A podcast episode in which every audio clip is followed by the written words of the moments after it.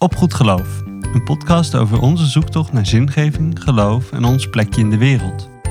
Heeft geloof nog iets te zeggen tot ons in de 21ste eeuw? Hoe vul je dat nou in, geloof? Hoe zit het eigenlijk met de kerk? Wat doet zij hier nog? En wat moeten twee twintigers die dominee willen worden in een wereld waar geloof niet vanzelfsprekend is? Wij zijn Heime en Ilse, twee jonge theologen op zoek naar onze plek in de kerk en de samenleving. En in deze podcast nemen we jou mee in die zoektocht. Welkom bij weer een nieuwe aflevering van Op Goed Geloof. Vandaag gaan we in gesprek met de voormalige theoloog uh, des Vaderlands, Samuel Lee. We gaan het onder andere met hem hebben over zijn eigen zoektocht in het geloof, de Pinksterbeweging en zijn boek Verlangen naar een nieuw christendom. Ja, en Samuel Lee is theoloog en voorganger. Hij is oprichter van een grote migrantenkerk in Amsterdam Zuidoost. En in 2013 promoveerde hij aan de Vrije Universiteit van Amsterdam, waar hij een onderzoek deed naar het christendom in Japan. Inmiddels doseert hij daar ook en is hij hoofd van het Center for Theology and Migration. In 2019 werd hij uitgeroepen tot theoloog des Vaderlands. En we vinden het ontzettend leuk dat we vandaag met je in gesprek mogen. Van harte welkom, Samuel Lee. Dankjewel, dankjewel voor de uitnodiging. Maar voordat we uh, met Samuel Lee in gesprek gaan, uh, hebben we onze vaste rubriek Waar was Jezus? En daar stellen we onszelf en onze gast de vraag: Waar was Jezus? Uh, en het liefst zoeken we Jezus dan buiten de kerk. Dus hebben we een moment, hebben we een ervaring, hebben we iets gelezen of ervaren of gezien waarin wij Jezus zagen. dat delen we dan op dit moment. Dus Ilse, waar was Jezus? ja, nou ik keek laatst een film ik ben even vergeten wat de titel was, maar ik zal een linkje in de show notes zetten. En um, ja, in die film ging het over. Het was een kerstfilm. We nemen deze uh, podcast op vlak voor kerst. En um, da, dat traditioneel ging dat dus over een familie. En er waren allemaal problemen in de, in de familie. En die problemen die waren ontstaan omdat ze het gevoel hadden dat ze van alles moesten doen voor elkaar. Dat ze van alles moesten doen om erbij te horen.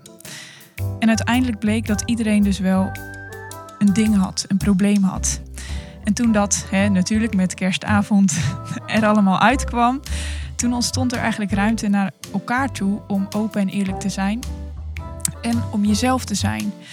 En het huis van de familie werd dus een plek waar iedereen zichzelf mocht zijn, ook al kostte het wat.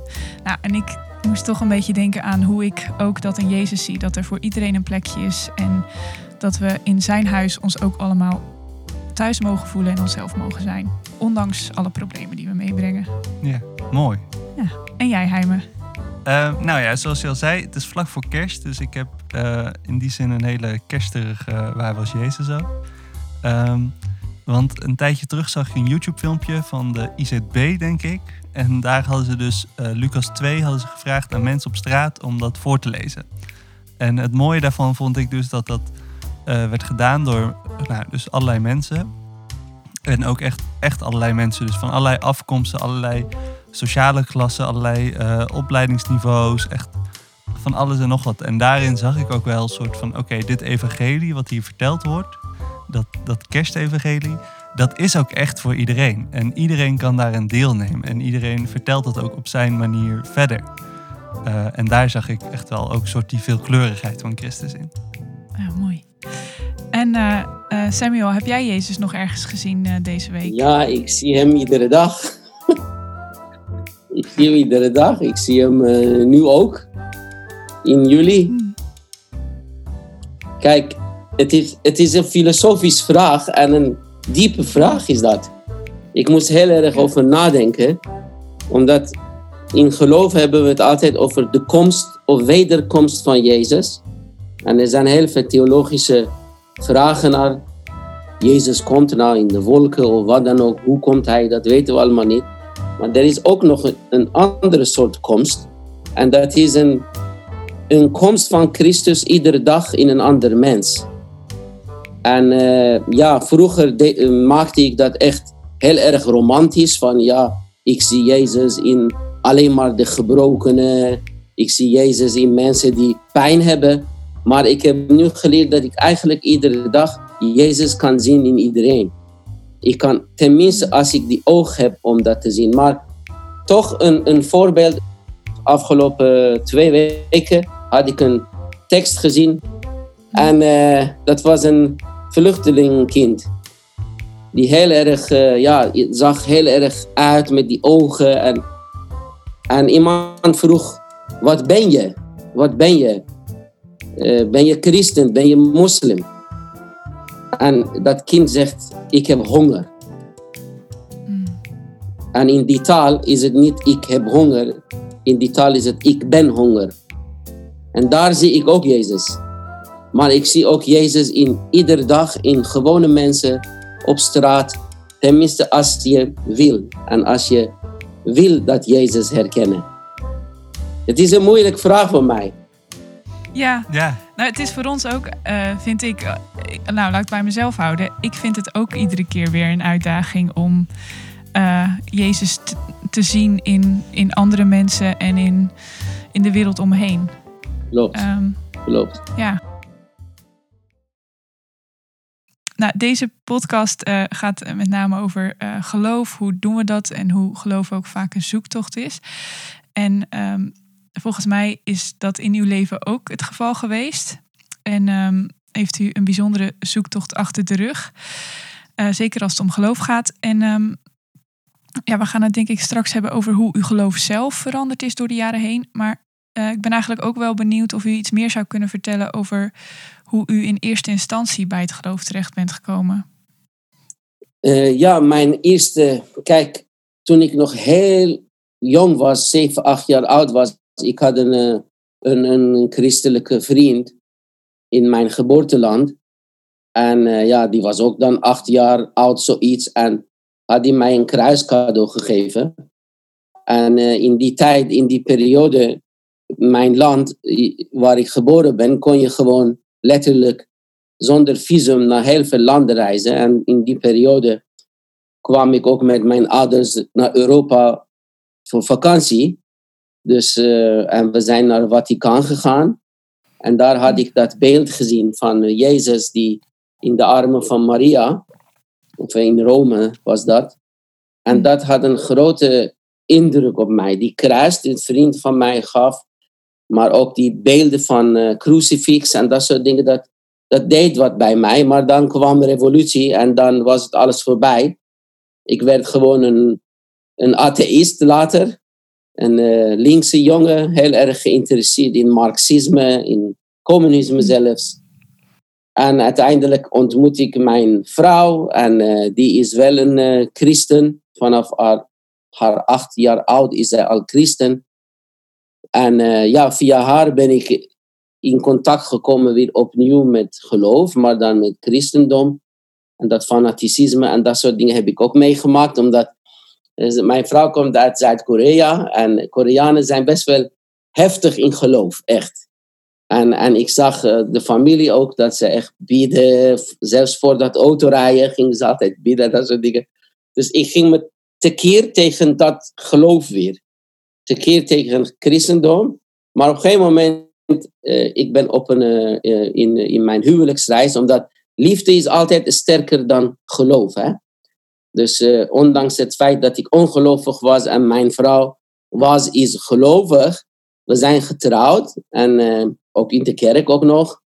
En met een Koreaanse dominee, maar ik begreep niks van wat hij zegt in het Koreaans. En uiteindelijk getrouwd en in Costa Brava we zijn naar honeymoon gegaan, naar huwelijksreis. En daar in het hotel, Hotel Dex heet dat. Daar heb ik in de hotelkamer een, ja, wat wij noemen in het Westen, een bovennatuurlijke ervaring gehad met Christus. Maar ja, dat, is, dat heeft mijn leven drastisch veranderd. Uh, die nacht, uh, in, in, in augustus uh, eh, 1993. En oh, dat heeft mij, dat datum, heeft ja. mij enorm, ja, mijn leven veranderd. En ja. dat is het begin. En toen wist ik helemaal niet over verschil, verscheidenheid in christendom, katholicisme, protestantisme en al die ismes. Wist ik helemaal niet. dus ik zeg aan mijn vrouw, nou, ik ben, ik ben gelovig geworden. Nou, zij was ook verbaasd. Omdat, en, en ik zeg, nou, ik wil naar een kerk. En mijn vrouw is een Presbyteriaans Pinkster. Zoiets moet ik zeggen. Mm -hmm. Toen ik zeg, ja, het is, het is Spanje, het is een katholiek land. Ik wist toen die verschillen allemaal niet. Het was een kleine kerkje. Ben ik daar naartoe gegaan, op mijn knieën gegaan. En mijn vrouw ging me kijken, wat doet die man nou allemaal? Hij is helemaal vreemd geworden. Ik ging zo en eh, bidden en iets zeggen tegen God, dat herinner ik niet meer. Maar dat is eigenlijk mijn journey, mijn eh, reis Mm. in geloof. En nou, toen ik naar Nederland kwam, ja, dan, dat was een grote nieuws, vooral onder de Koreaanse gemeenschap. Omdat zij wisten dat ik veel tegen christenen was en moeilijk koppig was en eh, niks wil met geloof te maken hebben. En eh, nou, ze waren echt verbaasd. En eh, mijn huis werd eigenlijk een beetje pilgrimorde. Iedereen kwam, zelfs uit Duitsland, uit Frankrijk, kleine busjes van tien of zo, kwamen ze naar ons huis om mijn verhaal te horen en een gebed van mij te krijgen. Dat soort dingen. Dat is mijn begin. Wat bijzonder. Ja. Ja, maar we- weet je, ik, ik wil nooit daarmee overdrijven of eh, eh, laten blijken dat ik, omdat ik die bovennatuurlijke ervaring heb, ik ben toch specialer dan andere mensen.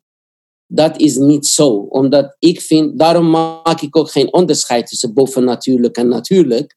Eh, Mm. elke ervaring is mooi op zich.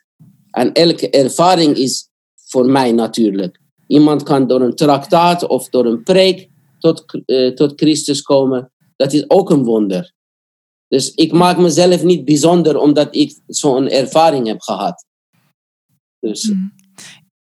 Ja, en dat is net wat u net zei ook, hè, dat we Jezus, of waar we het überhaupt over hadden, dat Jezus zien in een heleboel dingen. Dat hoeft niet, niet per se een bovennatuurlijk wonder te zijn, maar dat, het is al een wonder dat we eh, iets van God zien in de natuur of dat we iets van God zien in de ander. klopt. Ehm, ja. ja, mooi. Ja, ik vind het ook heel mooi om te horen hoe die reis eh, die u benoemt, die, die al begint inderdaad bij uw achtjarige bestaan, dat u een kruis, een kruis krijgt van een, een vriend van u. Ja, En eh, gewoon een soort fascinatie van een kind met een, een kruis, die dat misschien nog helemaal niet begrijpt en nog helemaal niet weet klopt. waar dat toe zal leiden, maar dat dat daar al begint. Nee, klopt. Ik had echt fascinatie aan, eh, aan kruis. Daarom, ik vind crucifix altijd zo interessant. In de gereformeerd of protestant Nederland heeft men niet zo interesse in, tenminste zo zie ik dat, in, in het Jezus die aan het kruis hangt.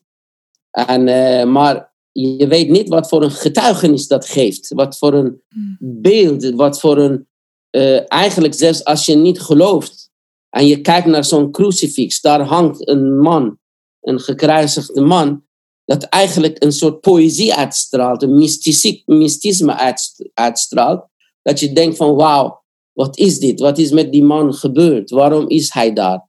En als een achtjarig kind vroeg ik mij dat ook altijd. Maar ja, mensen antwoorden mij, ja, hij is Jezus en de Romeinen hebben hem doodgemaakt. Dus dat was het gewoon. Ja, Dat was het ja. antwoord van de oudere mensen aan mij. Ja. en later werd dat toch iets anders. Later werd het iets anders, ja, klopt. Ja. Dat, dat verwonderen van een kind spreekt me dan toch meer aan bijna dan dat even dat snelle antwoord van volwassenen. Ja. Klopt, klopt, Ja. klopt. Eh, je bent later ook eh, eh, nou, theologie gaan studeren en dan als voorganger in een kerk beland. Ehm, en ja, ik vroeg me ook af, wat, wat zou u op dit moment zien als de kern van uw werk? En wat zijn daar inspiratiebronnen in geweest? De- deze vraag is heel erg verbonden aan, aan het moment. En op dit moment ben ik nog steeds op zoek. Hmm. Op dit moment ben ik nog steeds op zoek naar mijzelf en op zoek ook naar Christus. Nog steeds. Hmm. Dus voor mij is het, ja, ik kan wel allerlei dingen vertellen over werk die ik doe, projecten die ik doe, eh, eh, hè, met, met eh, opleiding geven aan, aan, aan vluchtelingen, stateloze mensen hier in de Academie van Amsterdam, of pastors opleiden aan de Vrije Universiteit, migrantenpastors. Dat zijn allemaal werken die ik doe. Maar innerlijk op dit moment ben ik nog steeds op zoek. Ben ik nog steeds eh, in, eh, ja, ik zou niet zeggen in worsteling met mezelf, maar eigenlijk elke keer op zoek. Er is altijd meer. En, en, en dat ik dat wil ontdekken. Hè? Bijvoorbeeld op dit moment wat mij bezighoudt, is dat woord God.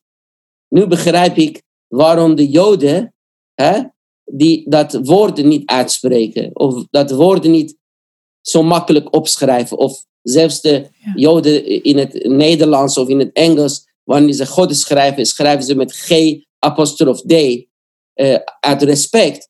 Vroeger dacht ik, ja, wat is, wat is dat voor een onzin eigenlijk? Maar op dit moment begrijp ik dat steeds meer, dat dat woord God is zo groot en zo diep, dat je dat niet eens kan vatten in een drieletterige woord.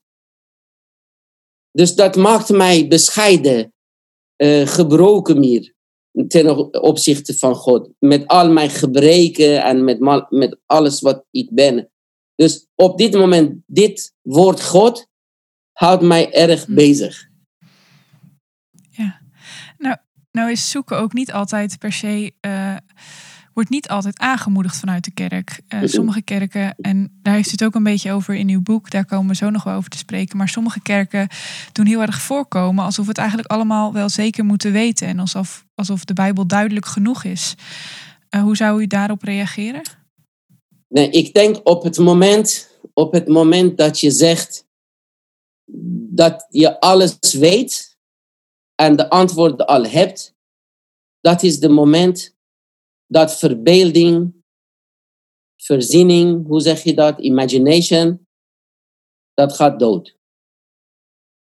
Op het moment dat je denkt dat je antwoord hebt op alles en je weet het en je bent bibliocenter, dus je gebruikt al die Bijbelse teksten om te laten zien dat je alle antwoorden hebt.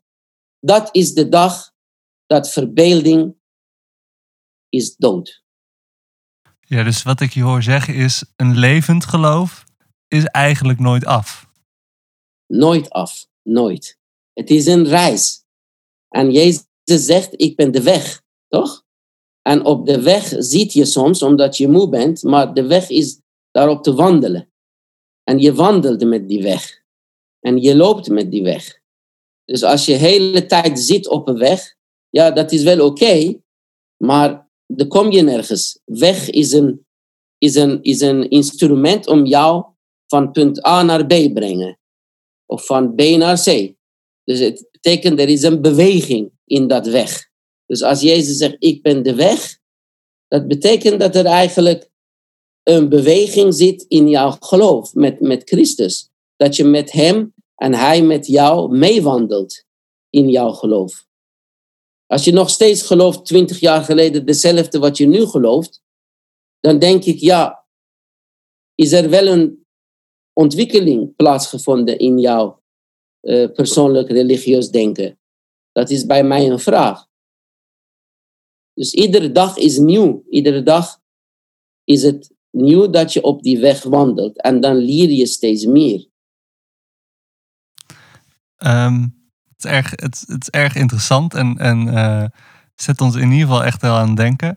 Maar om toch nog even door te vragen op uw werk. Uh, u bent natuurlijk theoloog des Vaderlands uh, geweest tot afgelopen, afgelopen november. Mm -hmm. U heeft u zelf ook daarin omschreven als een theoloog van op de straat. Klopt. wat houdt dat voor u in? Hoe ziet dat eruit voor u?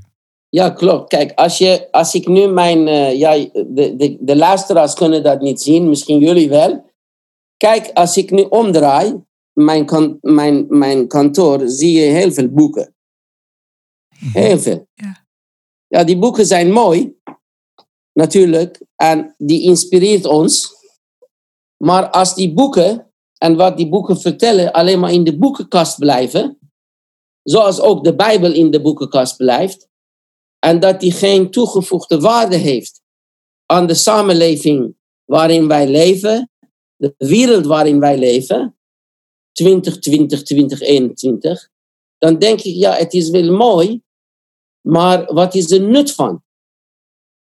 Dus in die zin, hetzelfde met geloof, hetzelfde met Bijbel. Als ik Bijbel gebruik om eh, telkens mensen de schuldgevoel bij creëren, mensen uh, te vertellen hoe zondaren ze zijn en hoe erg ze zijn.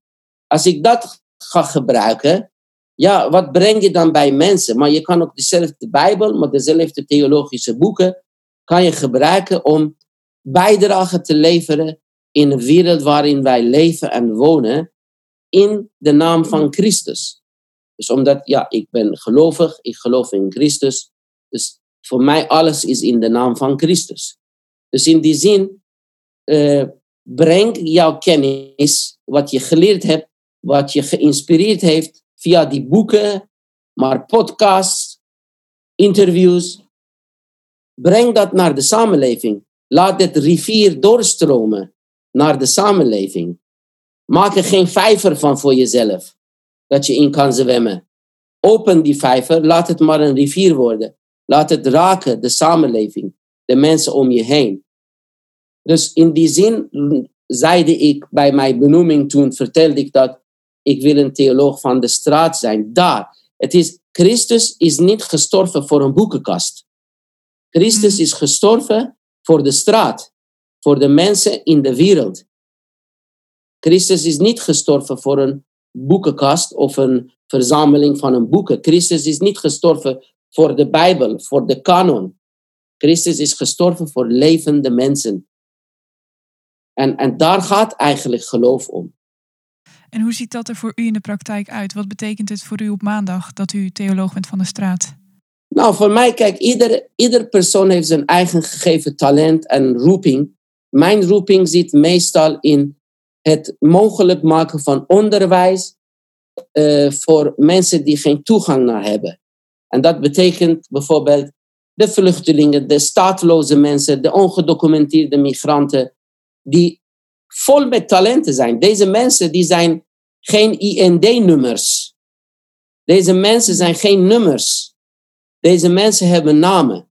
En deze mensen zijn ook mensen die in hun land, ja, misschien docenten waren. Nou, die mensen die ook wat academische background hebben of ze willen graag studeren en zich ontplooien. Nou, dat heb ik de Academie van Amsterdam, Foundation Academy, opgericht. Waar sinds 2006 mensen die geen geld hebben, geen juiste papieren hebben, kunnen zich hier ontplooien. Kunnen ze hier theologie leren, holistisch theologie moet ik zeggen. Ze kunnen ook hier de rechten van de mens. We hebben een hele studie daarover. Uh, dat soort dingen te kunnen studeren. Dus dat is meer mijn roeping. En ik ben natuurlijk ook een pastor. En uh, ik dien de gemeenschap al afgelopen 26 jaar. Probeer ik met mensen te zijn. Ik vind mezelf niet een goede pastor, eerlijk gezegd.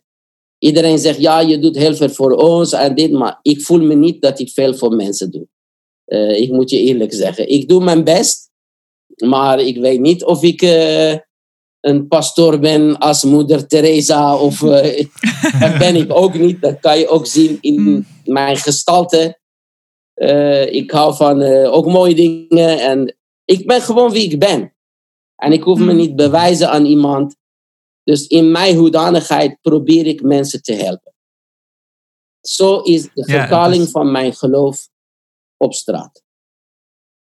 Het is ook mooi om te horen hoe die passie die u daarvoor heeft ook echt uh, doorklinkt in, uh, in mensen een kans geven. En ook die potentie die er zit in mensen ook aan te boren. En uh, daarmee dus ook de samenleving weer een hele stap beter te maken, in mijn ogen klopt, in ieder geval. Klopt. Ik weet nog een, een persoon die, die zat echt in problemen en heel veel erge dingen meegemaakt. Oorlog, genocide en noem maar op. En die wou studeren, maar nergens, niemand wil hem hebben. En hij kwam en hij studeerde al jarenlang bij ons, heel langzaam, maar toch wel goed afgestudeerd. En bij zijn afstudeer, hoe heet het, speech, had hij gezegd, ik ben letterlijk, letterlijk uit de vuilnis gehaald. Zo was zijn beeld.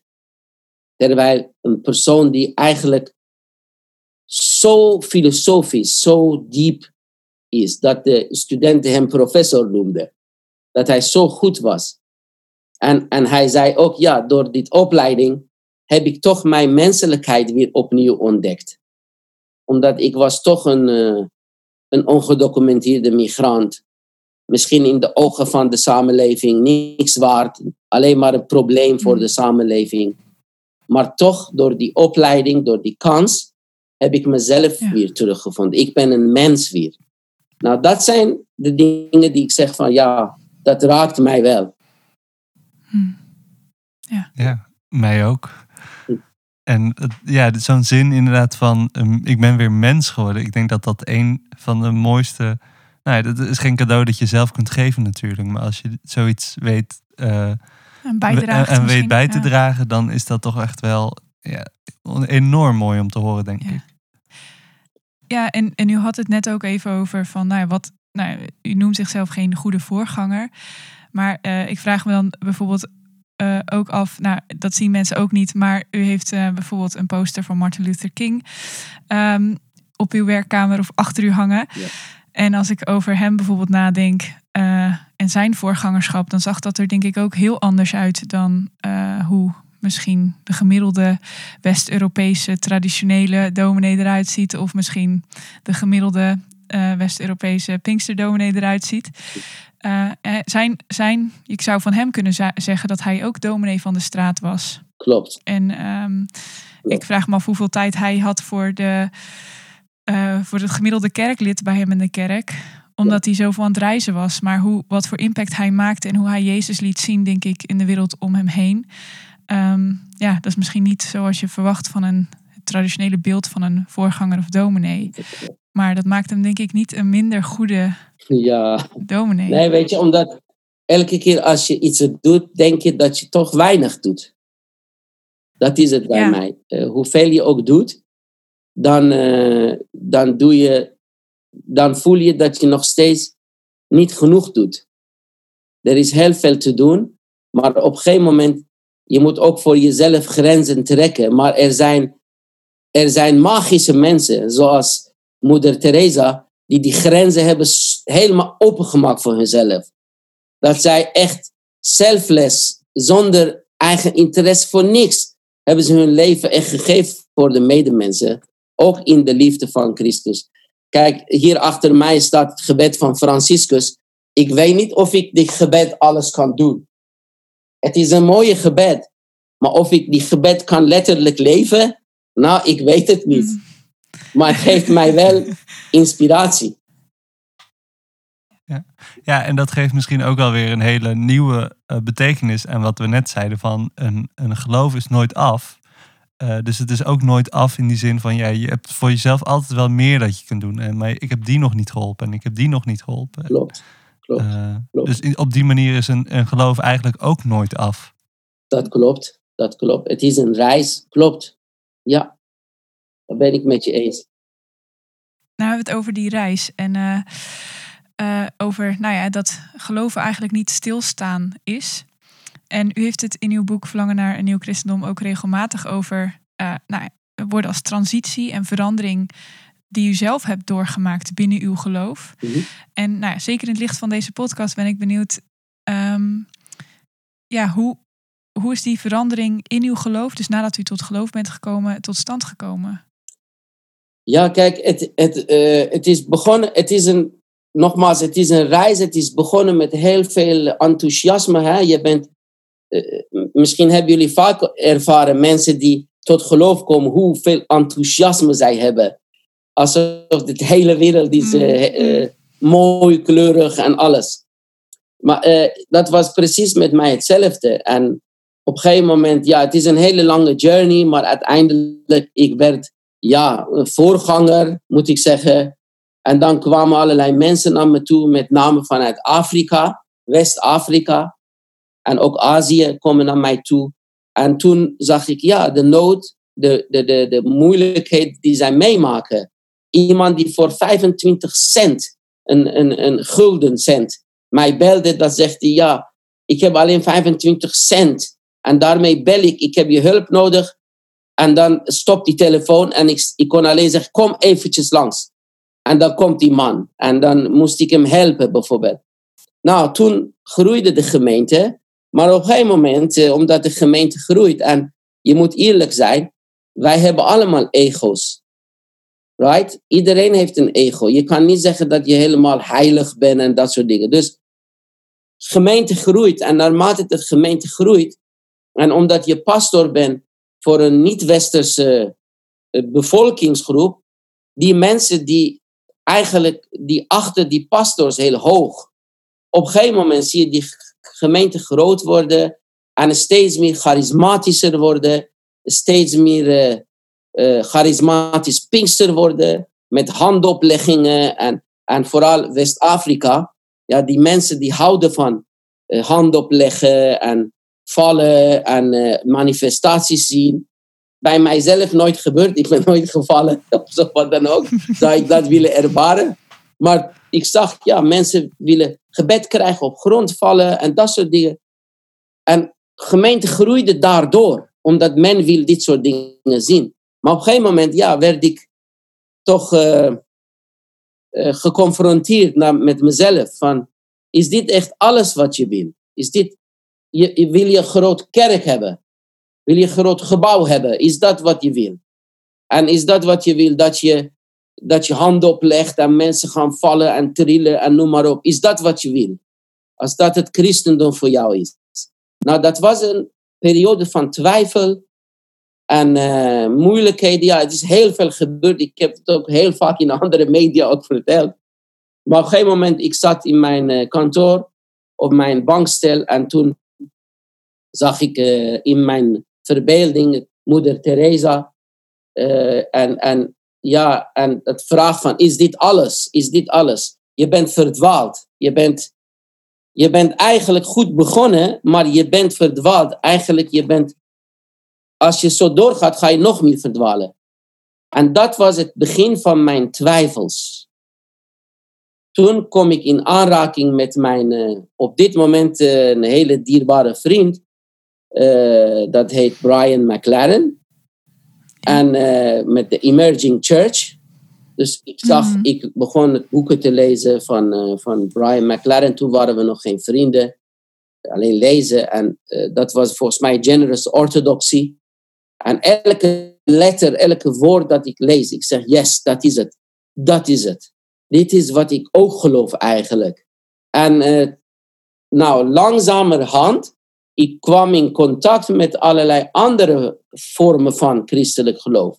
Dus uh, de Emerging Church. Een tijdje heb ik mezelf post-Pentecostal genoemd, omdat ik had er even genoeg van Pentecostal. Maar later ben ik gezegd van nee, ik ga dat niet doen. Ik blijf binnen de Pinksterwereld. En uh, zodoende, ik kwam in contact met, uh, met Phyllis Tickle, de Great Emergence, de schrijver van The Great Emergence. Brian McLaren, Shane Claiborne en noem maar op. En toen dacht ik, wauw, dit, dus dit is ook mogelijk. En, en nou, geleidelijk ben ik uit mijn depressie gekomen. Ik was één jaar lang echt, moet ik zeggen, depressief. Ik liet het niet zien aan mijn mensen in de kerk. Ik ging alleen maar show doen, performen, maar ik had er helemaal geen zin in. Mm. Ook geen zin in die preken dat ik normaal deed. En ook die gebeden die ik altijd deed om mensen die elke zondag op grond vallen, maar hun karakter verandert nooit. Ze zijn hetzelfde, ze bieden in tongen, maar ze hebben, de karakter is uh, nog erger dan uh, sommige mensen die zeggen niet gelovig zijn. Dus al die vragen komen bij mij op. Maar het duurde een jaar en toen dacht ik van nou, weet je, ik geloof in Christus, maar niet helemaal op die manier zoals ik in Pinksterwereld, tenminste mijn Pinksterwereld, geleerd heb en gezien heb. Dus dat was voor mij een, een, een geleidelijke verandering. En dan veranderde onze kerk langzamerhand naar een kerk wat wij noemen van social justice. Dus ik ging bijvoorbeeld de deuren openen voor Filipijnse migrantenwerksters. Na de kerkdienst zelfs een paar keer FNV was langsgekomen. Dat wij, we waren in de beweging voor social justice, voor refugees, voor onderwijs. Nou, en dat heeft sommige kerkleden van mij gezegd van ja, onze pastor is niet meer echt Pinkster. Dus die zijn ja, naar andere kerken gegaan. En, uh, maar degene die wel gebeleven is, die, die, die, die delen met mij die, die verandering. Dus die, uh, die, die steunen ook mij. En ik steun hun ook natuurlijk. Dus dat is een beetje die verandering die gekomen is. als ik het zo hoor, dan is daar eigenlijk ook wel meer ruimte ontstaan voor misschien uh, ook wel mensen die daarvoor, of een bepaalde manier van geloven, waar er misschien ook wel ruimte is voor, voor twijfel en voor vragen. Uh, en, en misschien waarin u God en Jezus op een andere manier bent gaan um, ervaren. Is, begrijp ik dat klopt, goed dan? Klopt. En daarom, ik bemoedig, ik ontmoedig mensen niet wanneer zij twijfelen. Omdat ik weet wat het is. Ik weet wat het is om te twijfelen. Zelfs als je twijfelt, in het Engels zeg je eigenlijk, je komt, je begint met een quest. En quest, het woord question komt, komt van quest. Het is eigenlijk een zoektocht. Je begint vragen te stellen. Je kan niet alles gewoon uh, ogen dicht accepteren. Vooral omdat wij in een periode zitten waar internet is eigenlijk komen ontstaan. En het ontstaan van internet voor mij lijkt op 500 jaar geleden dat wij de printingpress hadden. Dat de mensen mhm. eigenlijk de Bijbel zelf konden lezen en zelf konden vertalen. Maar nu hebben wij weer iets anders. En dat is de internet. Dat iedere mens, iedere kerklid, iedere student, die kan zeggen, ja, die Samuel Lee, die kan het wel mooi vertellen of wat dan ook. Maar ik ga het even googlen of wat die man zegt waar is of niet. Dan kan je googlen en kan je allerlei andere alternatieve informaties vinden. Dus twijfel brengt jou naar een zoektocht. En die zoektocht, nou, als je goede begeleiding hebt en goede uh, mensen rondom je hebt die je niet oordelen omdat je twijfel hebt, omdat je vragen hebt, nou, dat kan leiden naar het versterken van jouw geloof.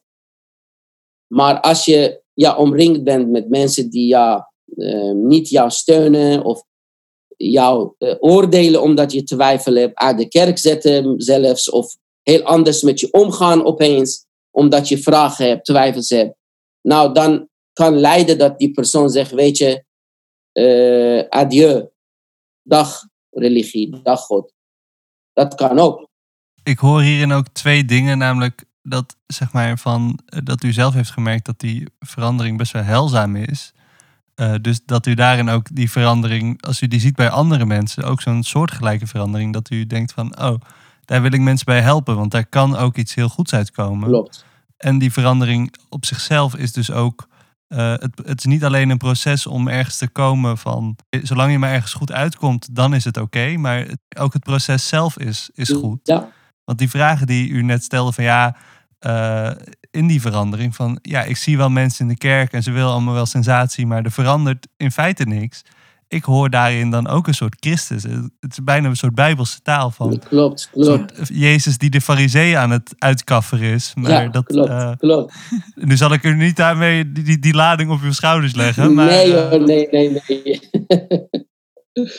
oh my god. Nee, maar kijk, wat ik persoonlijk vind, ik heb het wel eens ook gezegd, ook in mijn preek heb ik gezegd, christendom als religie maakt jou niet een goed mens. Tenminste, ik bedoel, het, eh, eh, eh, het kan jou wel een goed mens maken als je dat wil. Als je een, een, een, een, een tenminste, goed mens bestaat niet eigenlijk, maar wat ik bedoel is dat Christ, je wordt niet een goed mens omdat je christen bent. Ik heb heel veel christenen gezien die uh, de Bijbel uit hun hoofd kennen, Bijbelversen kunnen quoten en noem maar op. Maar op straat kunnen ze niet eens met een ouder, iemand die ouder is of met een kind omgaan. Uh, hebben gelijk boosheid en slechte woorden. Ik heb gewoon zelf meegemaakt. Dat iemand die heel mooi Bijbel kan vertellen en op straat zie ik iemand aan het uitschelden. Dan denk ik, oh man. Dus dat betekent dat als je een christen bent, betekent niet dat je gelijk een goed persoon bent. Ik heb ook mensen gezien die niet christenen zijn, niet gelovig zijn, maar toch leven naar die woorden van Christus. En dat ergert mij soms. En misschien moet ik leren om met dat ergernis omgaan. Maar soms dat ergert mij ook bij mezelf ook. Het is niet alleen maar bij andere mensen, maar bij mezelf ook. Omdat ik vind mezelf ook niet, niet goed of wat dan ook. Ik ben ook niet heilig.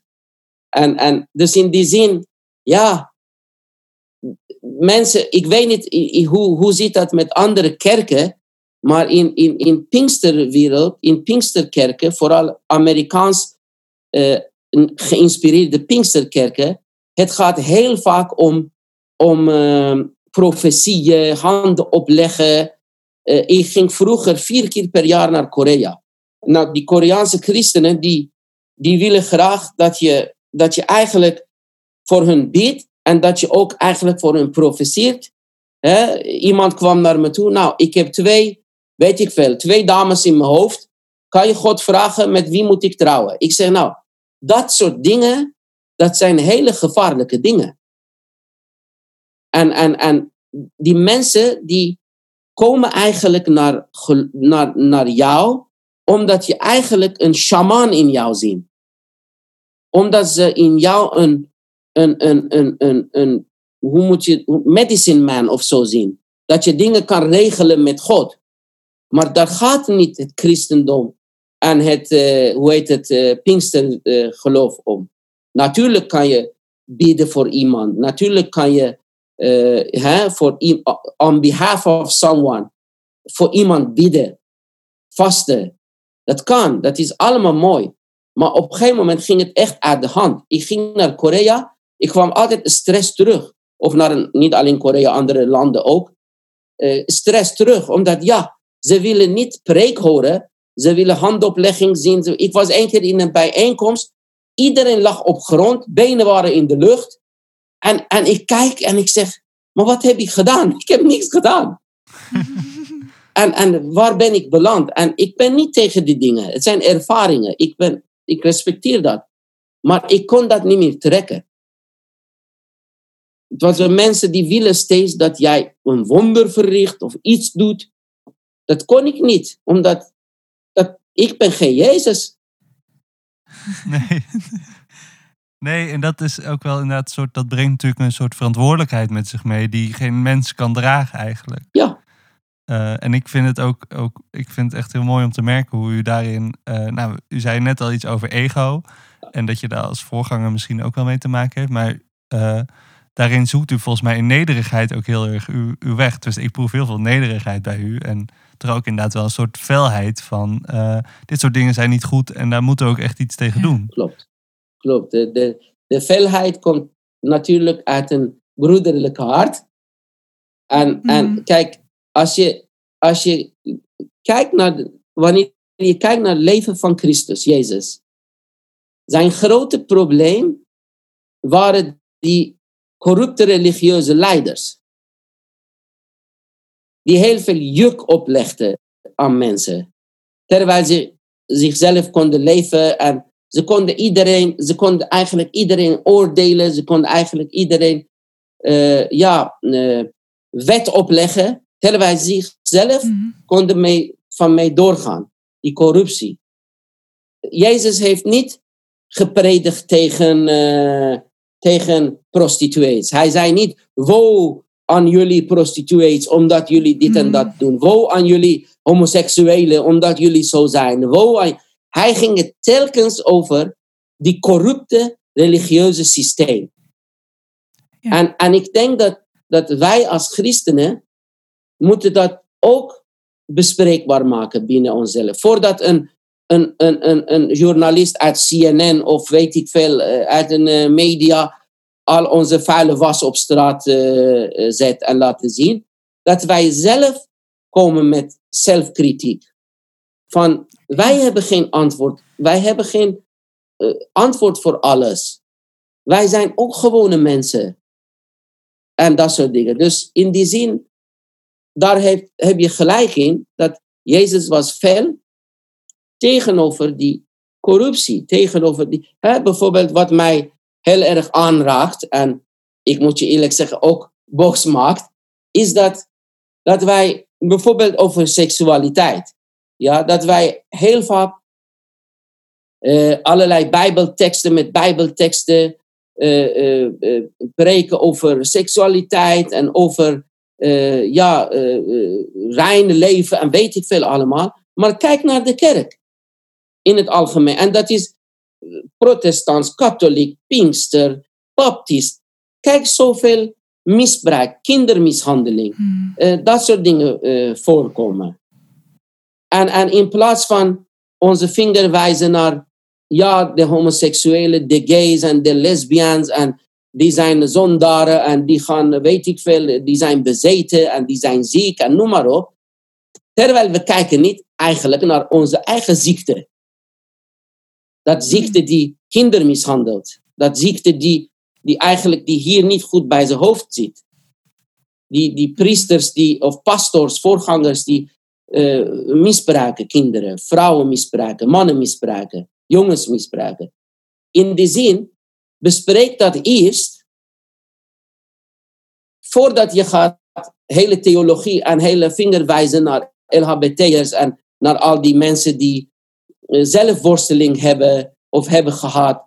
Dat soort dingen maken mij, eh, dat irriteert mij. Ja, en dat is ook om daar ook met jezelf te worstelen als kerk, is ook een vorm van eerlijkheid, hoor ik je zeggen. Ja, dat probeer ik te zeggen. Ik bedoel, eh, een, eh, ik weet niet of jullie Tony Campolo kennen. Die schrijver Nee. Tony Campolo is ook een goede vriend van Brian McLaren en eh, die kennen elkaar allemaal. En hij zegt, eh, hij was in een conferentie ergens in een hele grote hotel. Heel veel mensen hadden daar geregistreerd en hij was eh, de hoofdspreker. Maar ja, die, hij zat in een lift en er waren twee mensen van die hotel die zaten ook in de lift, die werken daar, maar die hebben hem niet herkend dat hij de hoofdspreker was. Die dachten dat, ja, natuurlijk, hij is gewoon een gast hier.